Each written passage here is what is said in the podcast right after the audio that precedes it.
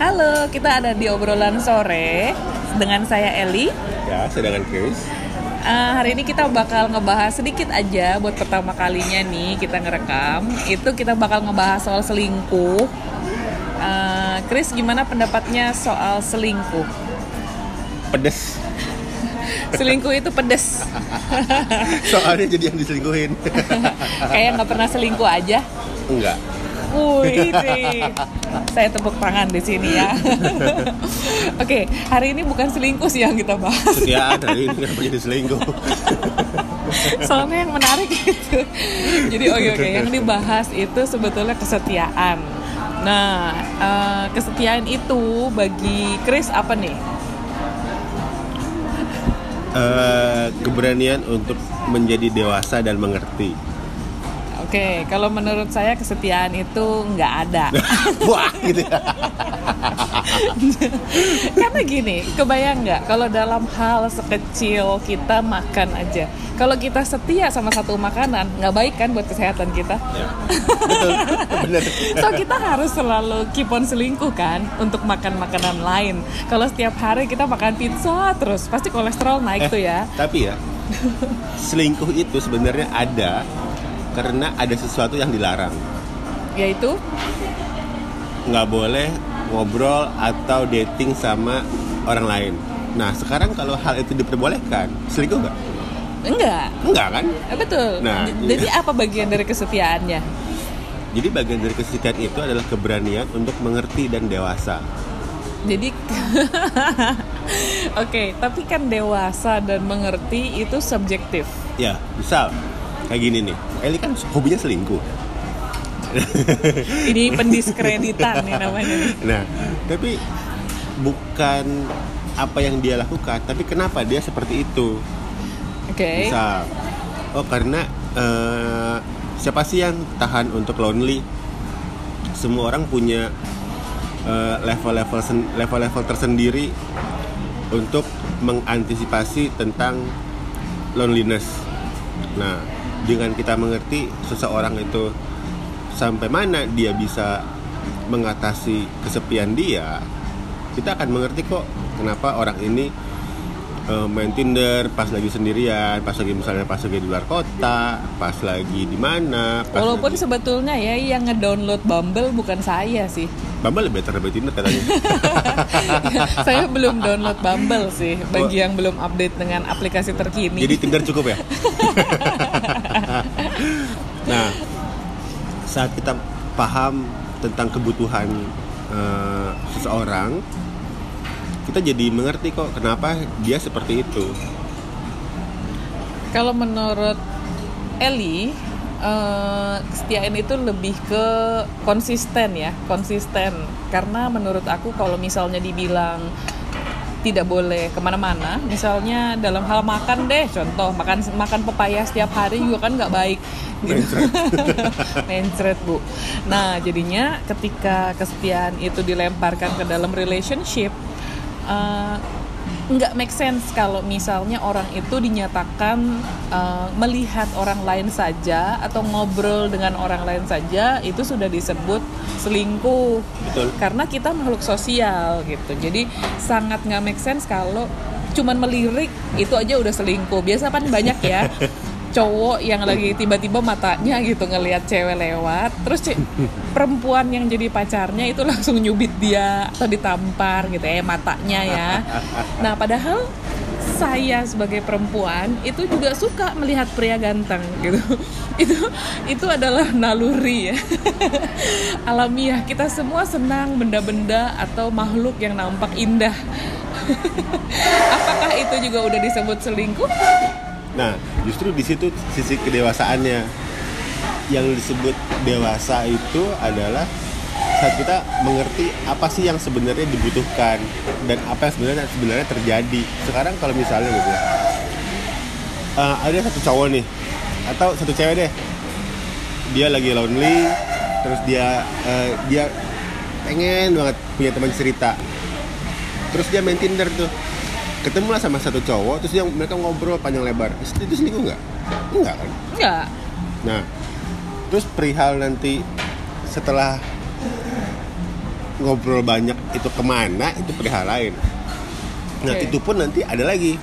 Sekarang satu cowok atau cewek deh gitu. Misalnya mereka lepas dari pasang mereka berada jauh dari pasangannya untuk misalnya sebulan dua bulan tiga bulan. Masing-masing punya kebutuhan biologisnya masing-masing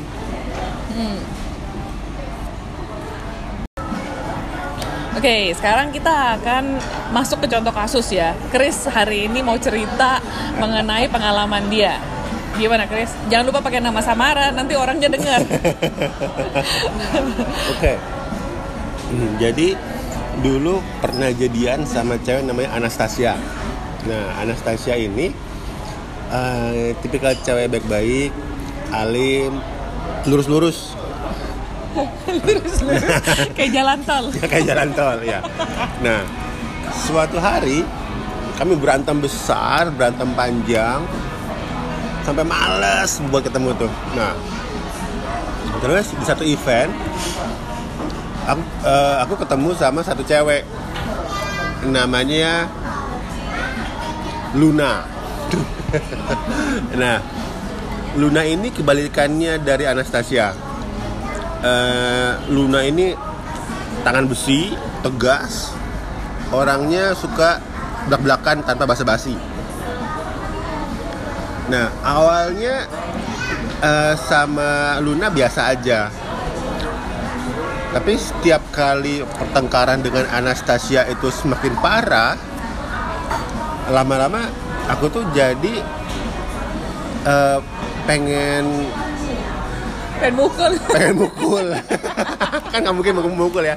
Nah jadinya daripada gue keluar sama si Anastasia mendingan gue ajak keluar si Luna kata gue. Nah pertanyaannya adalah apakah itu selingkuh? Eh, sebetulnya kalau menurut saya sih em, mencari peluang yang lebih baik itu sebetulnya bukan selingkuh. Karena kan memilih ya kita itu harus memilih. Dalam hidup kita harus selalu diberi pilihan. Jadi kalau misalnya kita bisa tahu dan bisa menganalisa bahwa orang yang sebelumnya itu ternyata tidak sebaik yang selanjutnya maka kita bisa ambil kan peluangnya. Tapi masalahnya kalau kita nggak pernah ngajak keluar kita nggak pernah eh, bergaul gitu kita nggak tahu kan bahwa ada di luar sana. Karena beberapa pengalaman yang pernah saya hadapi dan bantu banyak yang sudah terjebak sampai perkawinan tapi eh, harus menghadapi KDRT pemukulan gitu. Jadi nah tapi kalau kata orang seharusnya aku tuh putusin dulu Anastasia baru ngajak jalan Luna kenapa tidak dilakukan karena menurut gue itu gegabah sekali kan jadi berarti yang sebelumnya jelek tapi nggak jelek-jelek amat dan yang baru belum tentu bagus gitu Iya benar kan? kan kan kita nggak mungkin mutusin uh, seseorang cuman karena kita lagi perang besar. Nah, terus nggak mungkin kita tahu-tahu ngajak jadian seseorang cuman karena uh, yang lama lagi perang besar. Itu kan sama kayak beli kucing di dalam karung. terus akhirnya yang lama diputusinnya kapan dan yang baru diajak pacarannya kapan Akhirnya yang lama diputusin sekitar dua minggu kemudian. yang baru dia ajak pacaran sekitar tiga bulan setelah putus. Oh, pinter dia, pinter. Dia mau mencoba untuk menarik kalangan masyarakat supaya tidak mendapatkan review buruk ya, karena begitu putus langsung pacaran. Kalau saya beda. Begitu saya sudah memutuskan untuk putus atau cerai, maka saya langsung move on. Oh, aku pun move on. Cuman gue nggak mau mengulangi kesalahan yang lama. Jadi gue mau memulai yang yang selanjutnya dengan lebih hati-hati. Jadi pada dasarnya dalam hal kesetiaan karena pembahasan kita kesetiaan bukan perselingkuhan. Tapi udah dibilang kan lebih menarik perselingkuhan. nah, jadi kita sama-sama setuju bahwa kesetiaan itu Adalah proses pendewasaan. jadi pada dasarnya sebetulnya apakah dalam story kehidupan orang itu 100% pasti setia? Enggak. Karena kalau pendewasaan aja itu is an option ya. Berarti kesetiaan pun demikian adanya. apalagi kalau itu disebutnya bisa kalau setia kan berarti lawannya selingkuh. Ya. Berarti kalau misalnya selingkuh, apakah harus selalu dengan orang? Nah, enggak bisa dengan PlayStation kayak yang saya lakukan. Atau dengan anjing. Oke, jadi kita sama-sama setuju bahwa eh, setia itu nggak mungkin 100% ya. Saya sih udah tahu, bahwa setia itu nggak ada. And I rest my case. Tapi eh, jadi gimana baiknya ketika eh, untuk mencegah konflik-konflik yang akan datang. Walaupun dunia ini dualisme ya, kalau ada kebaikan berarti ada kejahatan ya. Jadi kesetiaan tidak mungkin luput dari keperselingkuhan. Iya, betul sekali. Dan apa perselingkuhan harus dengan manusia? Enggak. Bisa dengan teman-teman, bisa dengan hobi-hobi. Tapi kalau hobi selingkuh gimana? Hobi selingkuh min sama orang apa sama yang lain nih? Sama orang kali ya. Eh. Oke, nah intinya gini. Eh, kalau kita misalnya aku nih ketemu sama perempuan lima tahun lalu, waktu itu asik ngobrol sama perempuan ini. Nah tapi kalau perempuan ini nggak berubah, kalau perempuan ini nggak mengembangkan dirinya, ya lama-lama kan jadi bosen. Kalau lama-lama jadi bosen, di situlah perselingkuhan terjadi. Nah, tapi kalau misalnya dibilang bosen, apa nanti nggak akan kesannya kayak terlalu sinis gitu? Oh, berarti nggak terima apa adanya dong? Nah, Emang siapa yang mau terima adanya? Kayak gini nih ya. Ya kan kayak gini misal misal nih ya. mau beli handphone ya. iPhone 11 misalnya. Harganya 35 juta ya. Nah, terus gitu beli ini ya uangnya 35 juta. Mas, ini ada iPhone 11 tapi retak. Terus eh, baterainya udah nggak bagus lagi. Terima apa adanya aja ya. Lo mau? Jadi lagunya Joey McIntyre yang Stay the Same. Itu bullshit, itu bodoh amat. Oke, berarti eh, kita kita sama-sama agree bahwa dari sudut, sudut cewek dan sudut cowok ya kita sama-sama agree bahwa both side dari cewek maupun cowok itu sama-sama harus mengembangkan diri tetap atraktif tetap enak diajak ngobrol tetap update ya Makin cakep, makin ganteng, makin cantik. Terus mungkin mau mendengarkan, mau cari solusi karena mostly yang saya tahu permasalahan orang ketika dia lagi dalam relationship itu selalu masalah komunikasi. Karena takut untuk dikatakan, maka terjadilah hal-hal yang tidak diinginkan.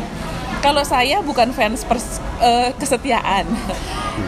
Tapi buat saya kalau se- satu pasangan sudah komitmen bahwa mereka akan setia satu sama lain sampai mati, which is stupid, but it happens. So mereka harus setia kan, unless mereka eh, berjanji untuk sama-sama misalnya open relationship. Kan beda beda. Open relationship nanti akan kita bahas di momen lain. Tapi eh, apa yang dikomitkan sejak awal berarti seharusnya mereka pegang teguh dong ya bersama. Bukan cuman ketika lagi vow lagi eh, bersumpah di depan KUA misalnya bahwa mereka pasti setia gitu. Jadi tapi pada perjalanannya tidak ada yang mau berubah tidak ada yang mau berkomunikasi dan tidak ada juga yang mau memperbaiki hubungannya. Bener. Misal lima tahun lalu eh, si cowoknya jadi staff, ceweknya juga staff.